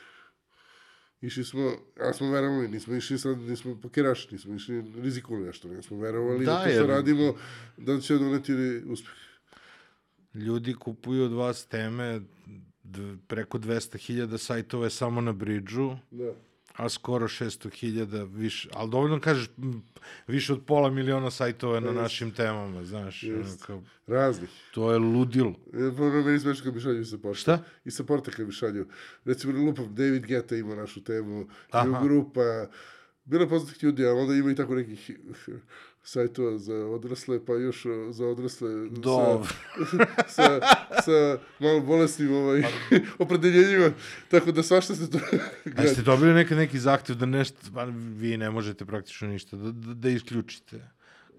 Pa nije Ljudi kad vam kupe, kupili su od kupe, vas. oni nam traže samo tehnički treba nešto se popravi. Pa da. Mogu te Pa zamisliti. svega ima, svega. Stvarno, jako su ponosni, pogotovo na te neki poznati ljudi. Ja, imali smo jedan spisak, Aha. ja nekako volim, kao volim muziku, sam zapamtio Dio grupu i Davida Geto, ali bilo je to još dosta, da kažem, nekih poznatih brendova, imena, koje ste na kraju koristili našu temu. Ja sam kupio neku temu, ne vašu, i onda mi je bilo smešno kad je izašlo kao ove, kao koje su sve poznati, ono, kao Sylvester Stallone, znaš, i kao on i ja, kao ista tema, znaš. O, ali to je super, to je u stvari super stvar za, za promociju, ono, koji sve poznati koriste, koriste koje teme. Kakav je osjećaj, ono, kao pola miliona sajtova da bude na, tvoje te, na, na tvojim temama? Pa šta, mi smo ranije mnogo, Na vaše. kažem, dosta smo, mi smo dosta bili brojkama, Aha. I to je stvarno, možda smo zato i tako uspešni. Ti, kada, ti si mi danas rekao, pripremio si se za podcast, pa si imao otprilike video šta i kako. Mi imamo Da, ono, mesečno sastanke, znači to razli sistema, od, od kronovanja sajtova do preko apija, da izanaliziramo tržište, naše teme, druge teme, konkurencije. Šta gledate? To su milion, pa gledamo kako, kako market, kako se kreće. Gledamo recimo kako se nove teme ponašaju. Mi imamo recimo neki Excel. Zašto kažem da je teško za nove autore sada? Nije nemoguće. Ali ako gledaš da neku temu, neć, teško je sad postići neki uspeh kao Bridge ili neka druga tema. Naravno, moguće. Ali ako gledaš šta je realnost, da ima, i, i koji to broj prodaja u toku prve nedelje, druge nedelje, treće, četvrte, pa mi to pratimo mm -hmm. za godinu, dve, tri, već imamo dobre podatke, ti dođeš na to da jedna tema, koliko te košta ulaganje u nju, znači da platiš ljude da isprogramiraju, dizajniraju i tako dalje, marketing, da otprilike treba ti nekad 6, 7, 10, do 12 meseci da ti se vrati ulaganje. A ti sad imaš, ti recimo uložio si lupo 10.000 eura prvog meseca, a vrati ti se 1000. Ti već u drugom mesecu ulažeš za drugu temu još 10.000, razumeš? I sad tebi je jako teško tu prvu godinu da preživiš, jer jednostavno imaš ulaganja, a nikada ti se vraća. A na duže staze ti ćeš biti u profitu. E sad, šta nama pomože? Nama pomože što nam se prodaju prethodne teme. Da, Pokrivaju tu rupu. A za nove autore, neko bi trebao sad da ima stvarno ozbiljan budžet i keš i da kaže, ja, ja, ok, evo ja imam 100.000 već na računu, ja ću sad da ih krckam polako i da čekam godinu dana da kreću da mi se vraćaju, da mi se vraćaju ovaj ulaganje. Mm -hmm. I to je teško mladim ljudima, dakle im sad 100.000 ili 10.000 ili, ili, ili 1000 ili ne znam šta. kapiram. Ali što ne znači da je nemoguće, naravno. Čekaj, ali ono stvarno tamo imate 1200 tema? Ne, mi imamo na 500 nešto tema na Team Forestu. Ili je to 1200 sa demojima? Ono na vašem sajtu, ono kao, kad je sve štiklirano kao da... E, to je sa demojima. to je sa demojima. Da, da, sa demojima. 1200 Moguće. opcije, za sajtove. Moguće, to je marketing priključio. Da, Da, da, da. podatak, ja više i ne znam. ne Znači, to čitam. je 1200 opcija za sajtove, a 500 i nešto tema. 500 i nešto, mislim, blizu 600 sad. Čovjek. Kaže, nekad ranije smo bili u tim brojkama, kažeš kako složiti 600.000, a onda shvatiš da te brojke malo počinju i onako psihički da opterećuju. Znači, nosto si u brojkama, nosto gledaš, je sad manje, je sad više, i onda počneš da gubiš fokus sa svog trenutnog posla. I onda sam, smo naučili malo, ajde da ti sastavcima da se bavimo brojkama, da se ne bavimo i sad je ostatkom vremena, jer prosto čovjek u ti brojki vrlo malo se zaludi. Ali koji su, koliko se menjaju izazovi kako, kako firma se razvije i kako se šire? Pa, pazi, mi izazovi su dosta zavisi od ljudi koji vode firmu. Mislim, mogu, mi smo mogli da se prepustimo samo ovome, da radimo Team Forestu, mm -hmm. da čekamo dok on funkcioniše, funkcioniše, da uzimamo pare kako uzimamo pare i da to traje to dok je traje. Mi, naravno, nismo, a, a, više smo ambiciozni od toga. Mm -hmm. Sam ti smo, da kažem, donali neke poteze, pre svega da se otvorimo pre, prema WordPress orgu. Mm -hmm. Sve teme su nam uh, uh, sad, opet, znači, kako se kaže, GPL, tako. Aha. Znači, pri, uh, ono, source code je free. Mm -hmm. Naravno, nisu free ni moji support, to čovjek hoće da moji support mora da plati, ali so- source code, znači, uh, u, u duhu smo onoga kako je WordPress org traži. Samim tim to nam je dozvolio da napravimo neku free temu, ovaj, postavimo na WordPress.org plugin, recimo za Elementor koji se njima sad već 70-80.000 instalacija, što, što nije loše. Mm -hmm. Sad razvijamo recimo za Gutenberg blocks i za full site editing isto, isto razvijamo ovaj plugin i posle ćemo razvijati temu, pokušavamo da napravimo neki model freemium, kao Astra i ove neke druge teme, s tim što sad... Da, je- to sam gledao, da je Astra i Ocean sad imaju jako mnogo ono, instalacije i svega, a oni imaju tu kao opciju kao u stvari su free, a u stvari nisu free, pa... Pa ti dobiješ mogućnost da izvidiš website sa određenim vrstom elemenata free. Mm -hmm. A hoćeš neke advanced elemente, treba da platiš. Ili advanced module, ili hoćeš... Aha, aha. Lupav, ne, u portfolio, na primjer, Lupav nema u free, free, verziji, a ima u premium verziji. Mhm. Tako da mi pokušamo isto da neki model. Sad, tehnički se isto stvari menjaju u WordPress svetu, šta je, sad će, posle se pitaju šta je tema, šta nije tema, ali kako god se zvalo tehnički, da li se, ljudi, da li se failovi pakuju u pluginu ili u temi, tebi će, u svakom slučaju, u budućnosti trebati ti neki demo sajtovi, ljudi hoće gotove stvari, mislim, neće da crtaju sami, treba će im i da to bude izgrađeno na kada će napravi brzo sajt. Neće, stoji, znači, kolekcija milion nekih blokova, kad neko to treba da poslaže da izgleda lepo, hoće da uzme gotovo poslagano. Kapiram. Tako da, sigurno da budućnost WordPressa, e, ovo što mi radimo, e, će postaviti u budućnosti. Samo u kojoj formi, i da ćemo i to pakovati kao plugin, kao temu, kao ovo, kao ono. Pokušavamo negde sad u tom Gutenberg svetu da se pozicioniramo kao pioniri, pogotovo full site editinga, jer nema još puno tema. Eto, to je nam neki trenutno pokušaj, jer taj proizvod prosto nije spreman.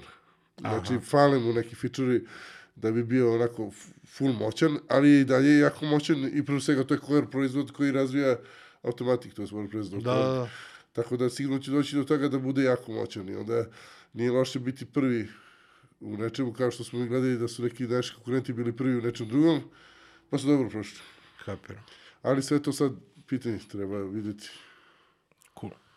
Reci mi, ja sam video da dosta vaših tema a, imali ste podršku i za WooCommerce, imali ste podršku, odnosno Bridge je bio napravljen, koliko se ja sećam, možda grešim da je inicijalno imao onaj Bakery plugin za, za gradnju unutar, da. pa onda praktično ja sam za Elementor prvi put čuo što, kao što, kroz to što sam gledao da su se pojavili neki demoji na Bridgeu za, ovaj, za Elementor, evo sad mi pričaš o Gutenbergu, E, kako taj deo prati, da vi konstantno ste u, u korak u korak sa...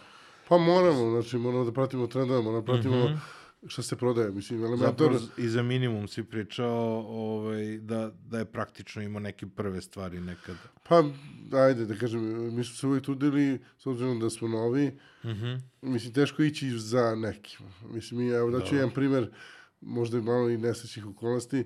Kad se pojavio Windows 7, on je onako, sa taj logo i sve to bilo neka, ona, onako, sećam se, da. estetika, neka jako zanimljiva. Mi smo to prepoznali i kre- krenuli da, da razvijemo temu, zvala se Satelit 7. Mhm.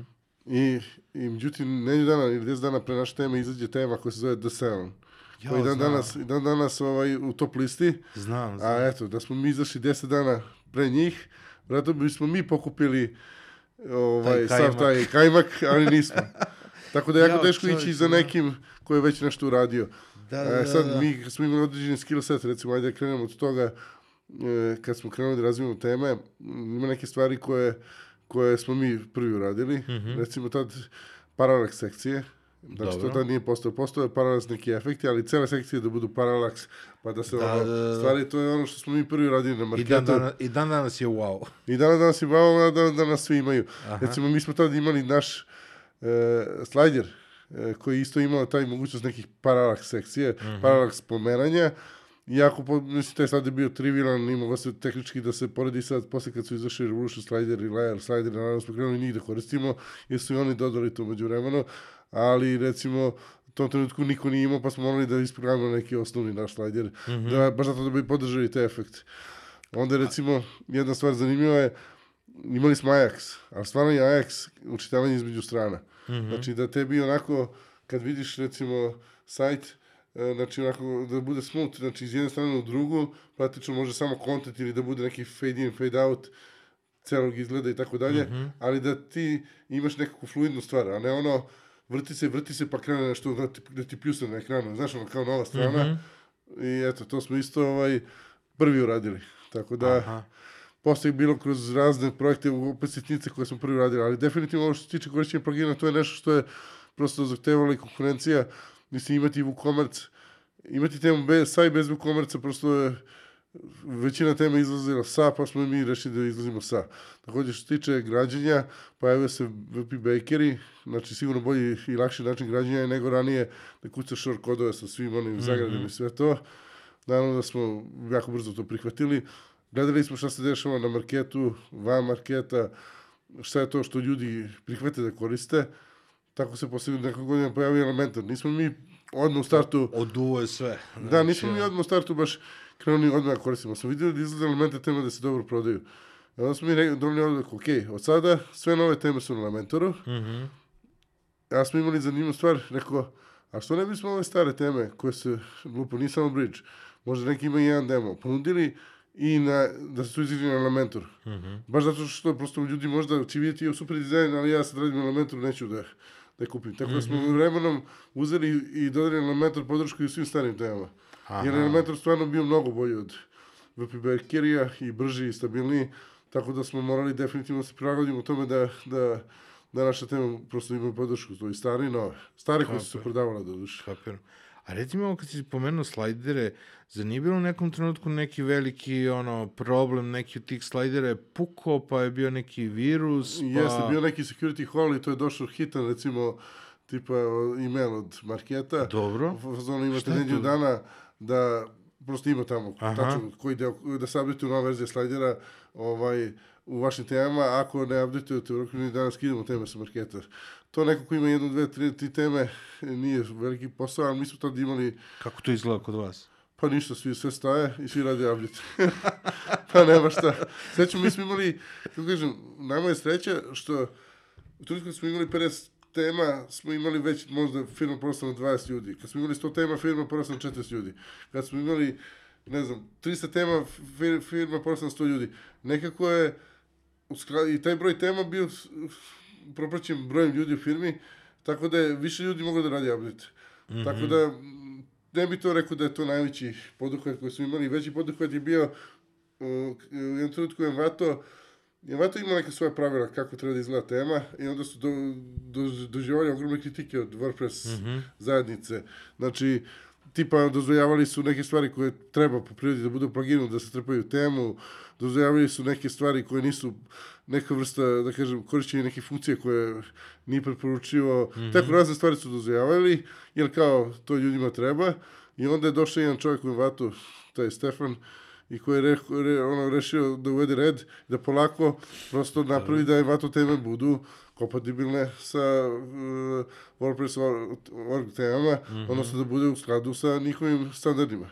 Dobro. I, i generalno polako, polako krenuo da učešćuje stvari i u jednom trenutku je rečeno ok, ljudi imate, ne znam, 3-4 meseca da sve teme sredite, sve što nije u, u, u temi da se prebaci u plugin i tako dalje. Mi smo tad, bukvalno celo, ono, 3 meseca zaustavili razvoj, završili sve, a recimo kontaktirali su nas neki top autori koji su rekli, mi ne znam kako, te stare teme su nap- napisane na takav način da mi ne znam kako se ispetimo iz ovoga.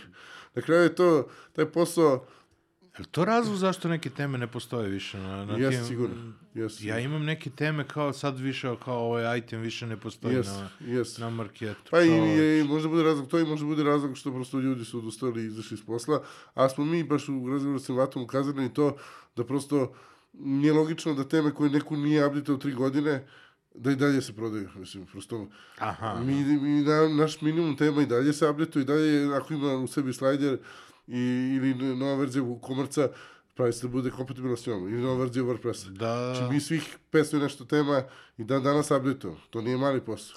A koliko korisnici sa svoje strane updateuju svoje teme i te stvari? Pa to je Koliko- individualno. Pa Ja dobro, da- ko, koliko vi insistirate na tome ako traže podršku? Mora Pa da, mi ne mora insistiramo da... zato što ono će da, nas- da nam, da nas jure preko supporta. Pošto ne možeš da stigneš, naravno, u trenutku kad izađe nova verzija Vukomrca, da updatuješ 500 tema. Ne, ne, neka 500 da se updatuje za 6 meseci od sad. Da. A se updatuje na kraju ipak. Da, da. Prosto nemoguće sad da se zustavi razvoj, prosto nije isplativo. A na kraju ipak mi to sve završimo. Jeste, naravno da ne postoji broj ja, korisnika koji kuka, ali kako kažem, mm, negde moraju neke rezovi da se prave prosto šta je optimalno, da bi prosto cela priča bila održiva. Ti možeš da gledaš iz ugla cele firme, iz ugla svih korisnika, iz ugla broja tema, broja ljudi, šta je održivo i šta je realno. Jer ljudi nekad upadnu u paniku, to sam ja, naravno kad manje još iskustva sam, znaš, čim ti neki besan korisnik, ti odmah, ako si normalan čovjek, ja, znaš, ono, gledaš, skrivo ti je što je tako neko nezdovoljan, pa gledaš da ga usrećiš, a onda shvatiš da u toj igri veliki brojeva ne možeš sve da prosto, prosto nije realno. I da negde prosto moraš da prihvatiš da će neko biti nezadovoljan u nekom trenutku, ali da ćeš ti ipak na kraju biti profesionalni i završiti taj posao. A reci mi sad sve vreme pričaš iz ugla vas i vaših korisnika, a koliko je recimo koliko vi imate komunikaciju sa Envatom u smislu s obzirom da ste vi jedan od ono od, od najjačih njihovih korisnika? Pa naša komunikacija sa Matom je bila onako od prilike do prilike do World Campa u Berlinu pre tri godine. Recimo Collis, koji je osnovao, osnovao i dugo bio... A oni dugo- su iz Australije. Da, da, dugo bio CEO, on je recimo par puta kontaktirao da učestvuje u nekom testu. Recimo, oni su imali ideju da naprave kao Envato hosted. Znači, kao da on dobiš hostovanje i temu i da to sve automatski instalira, pa je pitao bi, bi mogli li sa našom bridge temom da testiraju to, međutim to je urađeno. Nije to loš projekat bio, nego nije urađen, urađen je traljivo. Kad nešto ne uradiš do kraja, naravno da ne uspe. Ali, tako da par puta smo tako bili u komunikaciji, ali nismo toliko bili, nismo imali tako blizak odnos kao kao što je postao nakon što se videli ono, uživo u Berlinu. Jer prosto svako viđenje uživo Mora, podigne- mora kafana prvo. ono. Pa podigne, prosto to je prirodi ljudi, kad nekoga znaš njegov osmeh, znaš mimiku, znaš način koji govori, Da, da. da ćeš ti bolje da ga razumeš. Ti nikad ne znaš da li je neko možda nešto nervozno uzviknuo zato što je uzbuđen ili je ljut ili, znaš, prosto komunikacija kad se ljudi ne znaju, uvek nije toliko prosto otvorena u odnosu kad nekoga znaš, Kapiram. tačno znaš s kim pričaš i znaš kako reaguješ i znaš kako ti treba njemu da priđeš. Da, da. Tako da je to bilo odlično, taj WordCamp u, u Berlinu, što se tiče i upoznavanja top ljudi iz Evata i, i, i upoznavanja nekih drugih top autora, mislim, tu su bili ljudi iz i Avada i, i ovaj drugi... A čekaj, da, ovi koji su napravili najjaču temu, to je Avada. Da, da, ali bio neki njihov menadžer, mislim, glavni lead programer. Odakle su oni uopšte? Pa koliko ja znam, i tad kad su se pojavili, njih je bilo dvojice, jedan je, ja mislim, Pakistanac, drugi iz Amerike. Uje. Tako.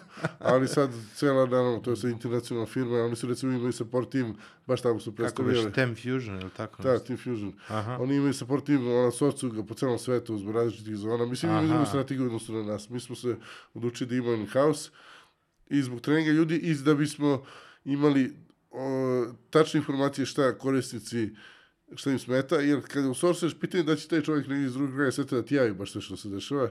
Kaš, razumeš, ovako u firmi prosto mu ne može da pobegne informacije. Dobro, i dosta ste drugačiji. Znači, oni su nekako suv biznis, a vi ste više ono kao art kreativa, ta, ta priča. Pa ono. ima jedan...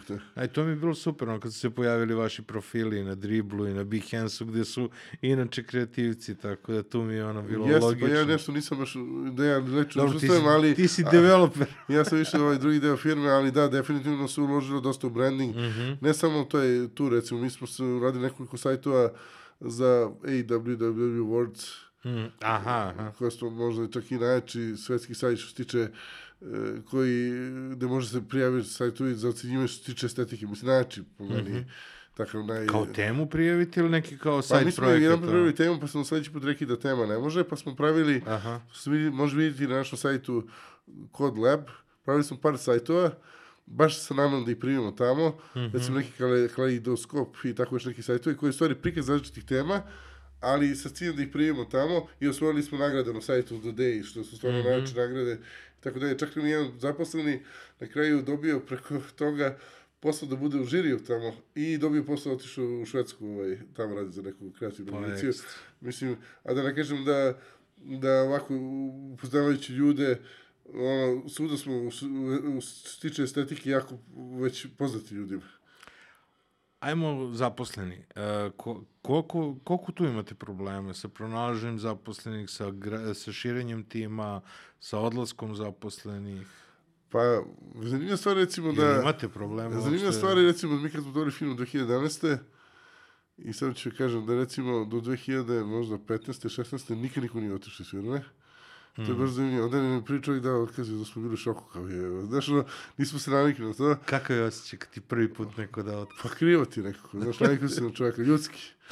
Znaš, ono, više to nije sad pitanje šta će biti s poslom. Mislim, posle će preživjeti. Ali nekako, znaš, nisi, ono, radiš 4 ili 5 godina i niko nije otkazio jedan put kao to čovjek će da ide. Nekako, znaš, prosto ono ti bude krivo. Ali mi imamo takav odnos da, evo, ja sam baš čuo s njim. Mi smo prijatelji postali, mislim, bili, s kim sam postao prijatelj Kako u toku... kaže, nis, nije dupetom zatvorio vrat. Pa s kim sam postao prijatelj u toku, eto, dok je radio, mm. s tim sam da budem prijatelj i kad ne radi mm. kod nas u firmi. Mislim, to je prosto neki zdrav odnos, normalan, prirodan odnos. Ovaj, sigurno da i kao druge firme imamo problem sa odnoskom i dolaskom ljudi, ali prosto to je prirodno. Mislim, nama gomila ljudi je otišlo dobro ponude, recimo, ne znam, jedna devojka u Dubaju, druga je u Kini, mm. ovaj dečko u Švedskoj, mislim, samo možemo da im kažemo srećni i da im Da, da, želimo sve budite najbolje. Nismo ni pokušavali da nekom mečemo neke ponude, zašto nije pošteno. Ako je čovjek već dobio da se, tako priliku da se razvije negde u nekom svetu, nije ni pošteno da pokušavati sad da ga zadržiš i da ga, da ga predomisliš. Da ga sputava. Znaš, da ga sputavaš, jer to je prilike koja mu se, sad mu se desila, možda se nikad neće desiti. Dok, naravno, imamo sad situacije da gde, gde pitamo čovjeka, je to problem oko plate, oko ovoga, oko ona. Nama generalno se jako redko dešava da, da bude problem oko plate, jer mi smo firma koja, generalno, što dosta ljudi kaže, trudimo da te povišice budu na redovnom nivou, Mm -hmm. i da ljudima ako u nekom trenutku nema povišice, kažemo sad smo zamrzli povišice zato što u trenutku ulažemo u novi proizvod, recimo u freemium, ne znam šta, prosto nemamo nikakav, ulažemo ogroman broj uh, ogromnu količinu novca, broj sati, a nemamo mm -hmm. trenutno još nikada se prodaje, da bi zbog, ne, zbog neke prosto odgovorne politike stopirat ćemo po- povišice sledećih tri meseca, mm -hmm. znaš, ali to je sve neko na stranim nogama, mislim, nikad, e, nikad, nam- redko nam se desilo da nekad je neko otišao, eto, zbog plate, uglavnom su ljudi odlazili zato što su hteli da imali izazov da uče neki možda, što ne kažem, komplikovanije stvari, ne znam, ljudima je ono, recimo programerima, React, e, ne znam, i tako dalje, ti, Aha, aha. e, ovaj, razni frameworkci su im Prerasli su. WordPress, pa, Pa da, i nešto, nešto, nešto luđe, ali evo sad imamo situaciju da nam se ljudi vraćaju. Recimo, A. jedan dečko koji je nekog godina bio u drugoj firmi i su mm -hmm. programer je pitao možda se vrati. Pa dobro, to je lepo. To je lepo. I dosta ljudi kad je odlazilo je rekao nije mu samo dobre međuljudske odnose, mm. -hmm. ni nekako kao porodica su i zaposleni. Mm. -hmm. I dosta ljudi onako kaže, ja bih volao nekad u životu da se vratim, eto zbog ljudi. Da. Da, da dočekam Tako da penziju mogu kod vas. kažem, ne emocija da smo nešto pogrešno uradili. Mm. -hmm. Sve prirodno kako već tržište ide. Mislim da smo uradili više nego naj, najbolje što smo mogli što se tiče odnosa s ljudi. Nismo se slepo držali nekih HR pravila, a, Jel- jel zapošljavali... Pa nema klasični, imamo Jovanu koji nam je super, ona nam je negdje i asistent, i HR i sve to. A nešto ti kad započne HR-a i prebaciš na HR-a posao, on nikad ne može da ima tu viziju i tu to, to, to tvoje iskustvo odnosa s tim ljudima kroz istoriju firme u sebi Aha. i da to prebaci na te ljude, a ti ćeš ovako početi da gubiš informaciju što se dešava u firmi, početi se uspostavlja neka druga kultura, jer silom prilika. Tako da smo, meni dan danas i Ivan i meni, znači svako zaposli može u svakom trenutku da ako ima pitanje da me okrene. Nemamo ono, znaš, ti pita svog menadžera, pa ovaj, pita ovo, pa ovo. Ako imaš nešto, s- hoćeš lično sa mnom da porazgovaraš, zove me kad god. Aha. Mislim, ja im onda, evo, sad z- dečko jedan zamolio, ne znam, mogu da mu pomognem nešto, da znam neku nove faze manci, nešto su mu zeznuli, pisali u kreditnom bilu grešku, nešto. Mislim, znaš, ono, Ето, изгледali сме така хора за био дизел за архипривате ствари. А те зоу за селит. Не, не, не. Пошто ми делаш овако да може да понесеш. Не, аз съм се задравали да се вишо тертано, знаеш. Пошто ми герецки до Битевси и onda къде ide intervju i на ideš na И, intervjua i колко dobro, koliko plata očekujete? A aha, aha. Ali sad više to je, osušilo se. Dobro. O... Pa nije, imao stvarno. Ne, ne znam, evo. Pa to je super, Ja tebi meni kažem iskreno i puno mi srce od toga, evo, suprugom recimo u gradu, i sretem nekom biše zaposlenom i onda tebi biše zaposlenim kaže, moj suprug je, evo, viš, onako emotivaca već i onako suza mi oči, kaže, ovo je najbolji šef koga sam imao u životu. Šta ćeš više od toga, mislim da čuješ? Pa to je najlepše. Pa da. IT-evci u Srbiji kada naprave novac obično otvore kafanu, ulože u poljoprivredu ili krenu da putuju. Šta si ti izabrao od toga? Pa i ja sam, znaš ja sam imao tu neku sreću i pre ove firme sam radio za tu američku firmu, ovaj, e, sam imao neku nenormalnu platu za Srbiju, e, 3000, ne imam toliko 4000 dolara, Mhm. tako sam ja krenuo da putujem i pre ove firme. Aha, aha. Da, mene su putovanja dosta interesovala. Ovako, znam, prvo moje putovanje van e, Evrope je, e, nisam mogao nađi nikog da putuje, da putuje sa mnom. I onda mi je jedan drug rekao, ja što ne, i- pošto on je tako ludak bio za razne jezike, a što ne upišeš neku školu e, španskog tamo negde? Mhm. Pa imaš tamo, ne znam, Kolumbija, e, Kuba, ono, tako, po Karibima. I ja gledam, gledam, gledam i vidim što je Isla Margarita. Rekao, lepo mi zvuči, šta je to, ostrovo Karibskom moru, pripada Venecueli, mm -hmm. Nemica drži školu, ja ovo, može tog, tog datuma. Kao idem imam u Venecuelu, treba mi viza, a ovo nema ambasada Venecuele u Srbiji, imam u Bugarskoj, a ovo za Bugarinu traži vizu, vadi vizu za Bugarsku, pa onda ide za vikend posle sledeći u, u Sofiju, vadi vizu za Venecuelu, sedi na avion, i to sad kad mi ovako, ja pričam, zašto to tako bilo, kao da završi nešto redovno, i jednom trenutku kad sam sletao u Venecuelu, Znaš, je, ja sam tek postao shvatio sve stvari, gde sam, ja sam došao na drugi kraj sveta, čoveče, Mm. Kao škola španskog, brate, šta je bre ovo, znaš, ko je ovo ludilo, znaš, nisi, nisi ni svestan, jesi dostao po poslu i tek onda kad završiš poslom počneš da kapiraš da si na odmoru i desi šta je oko tebe se dešava, međutim to je bilo pravo po iskustvu, ovaj, dve i po nedelje, šta ti kažeš za dve i po nedelje, motivisan verovatno ovaj, merenge i tako i raznim tamo ovaj, lepim stvarima sam čak propričao onako španski, poprilično, poprilično fin. Gde si još bio?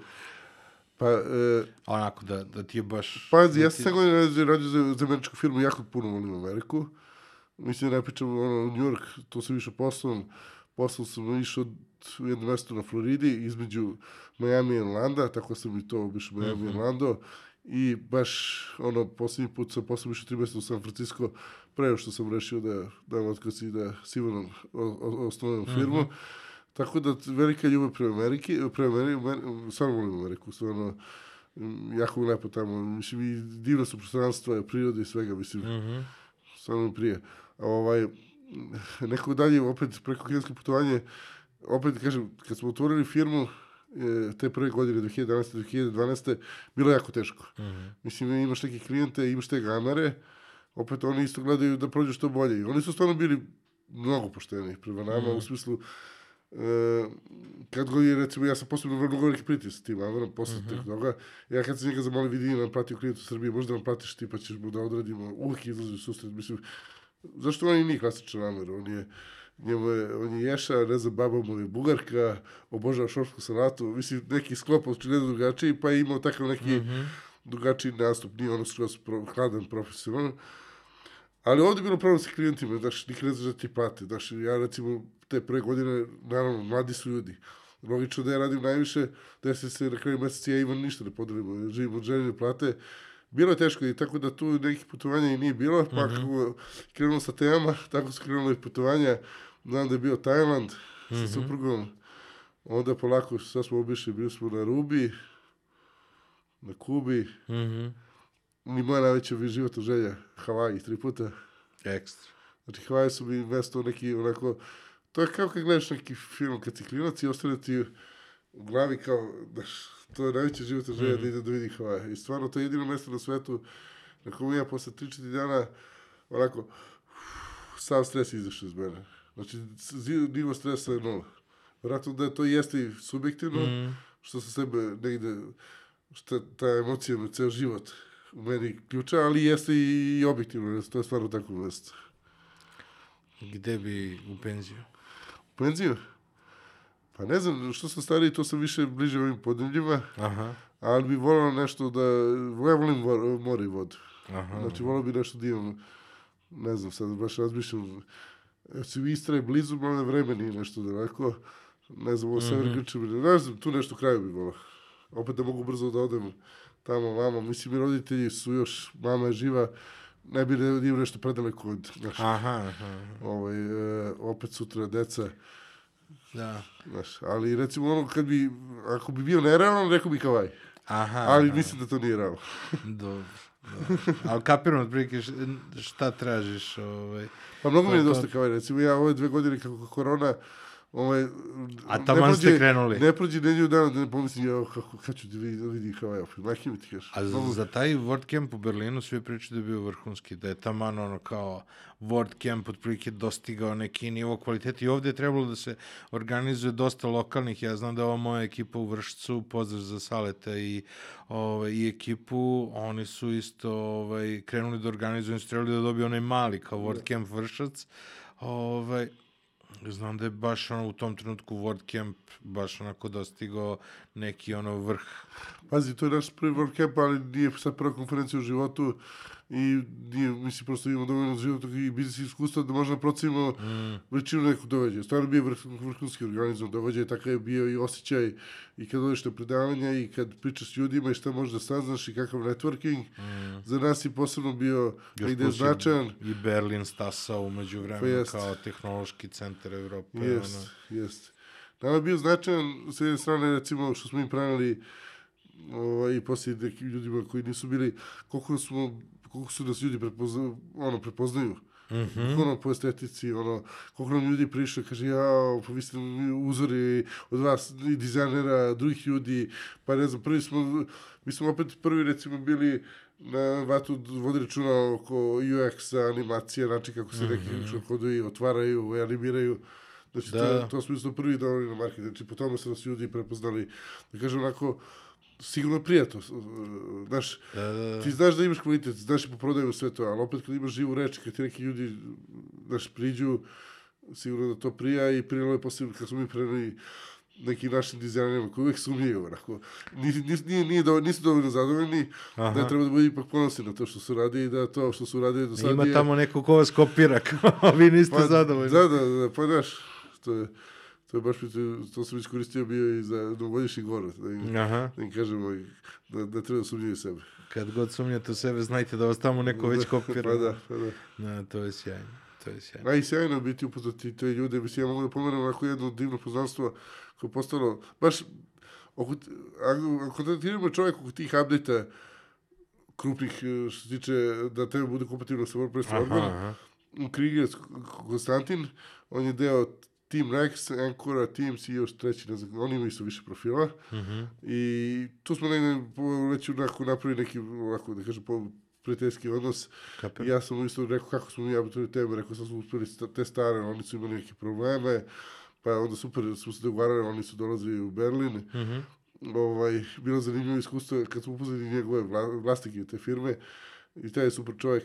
On kaže, evo, ja sam bio ubeđen da smo mi najveća firma za prvi WordPress temi, njih je to bilo, ne znam, 50, a nas je bilo recimo 100, kao ja ne mogu da sli duplo veći, ali sve onako nekom, bez sujete, bez zavisti, u nekom ovaj, zdravom tonu, mislim, Kolegijalno. Pa kolegijalno, stvarno, posle toga smo baš ostali u kontaktu, ja baš sam poslao, nažalost, zbog ovih situacija u Ukrajine, se dešava, A oni su Ukrajinci. Ukrajinci, da, da, i baš sam poslao poruku pre, kada je krenuo ovaj, sukob, da pitam kako su, ovaj, Mhm. kaže Konstantin, dosta ljudi je otišlo u zapadnu Ukrajinu, Mhm. neki su e, i van Ukrajine, ali ve- većinom su tu, a ne može da se izađe iz zemlje, mm -hmm. tiče muškaraca, ko je ostao u Kijevu kao on, oružje u ruke, čekaj, šta će biti, brane svoje domove, mislim, tužno je što, eto, neki naš Mhm. kolega treba sedi u nekom rovu, ne znam šta, ovaj, ja sam ponudio, eto, naravno, kolegijalno, ako im nekad zatreba neka pomoć u smislu da su sad programeri u ratu, a da im nešto treba hitno da se ispravi ili da im support tim prosto ne može da stigne ono, našu pomoć i eto, ono, ne, i, i, po, i profesionalno i rekao sam moja lično šta god nek slobodno pita ako mu bilo što moglo i na ličnom nivou da pomogne da, da se obrati, eto. Sad nešto mi bez veze, nismo mi toliko prijatelji da mu pišem stalno, ali eto, poslaću mu za nedelju dana opet, da kažem da vidim Pa da lepo, lepo, Da, pa lepo i pošteno. pa da, Hvala ti puno. Nema čemu. Hvala vam što ste gledali još jednu epizodu, još podcast 1. Ovo je bila epizoda sa Darkom Stefanovićem. Pričali smo o tome kako u Srbiji može da se napravi jedan od svetskih lidera. Mene stalno pitaju to čujeno pitanje da li može da se napravi sledeći Google ili Facebook. To verovatno ne može, ali ovako neke sjajne priče mogu da nastanu i trudit ću se da dovedem još nekoliko primjera ljudi koji su napravili sjajne stvari u Srbiji. Želim da vam se zahvalim, želim da vas zamolim da nas podržite, da preporučite ovaj podcast eh, prijateljima, eh, želim da se zahvalim našim sponsorima, Beans Coffee i MVP Workshopu. Hvala vam puno, vidimo se i slušamo se sledećeg četvrtka. Ćao, čao. Bye, bye.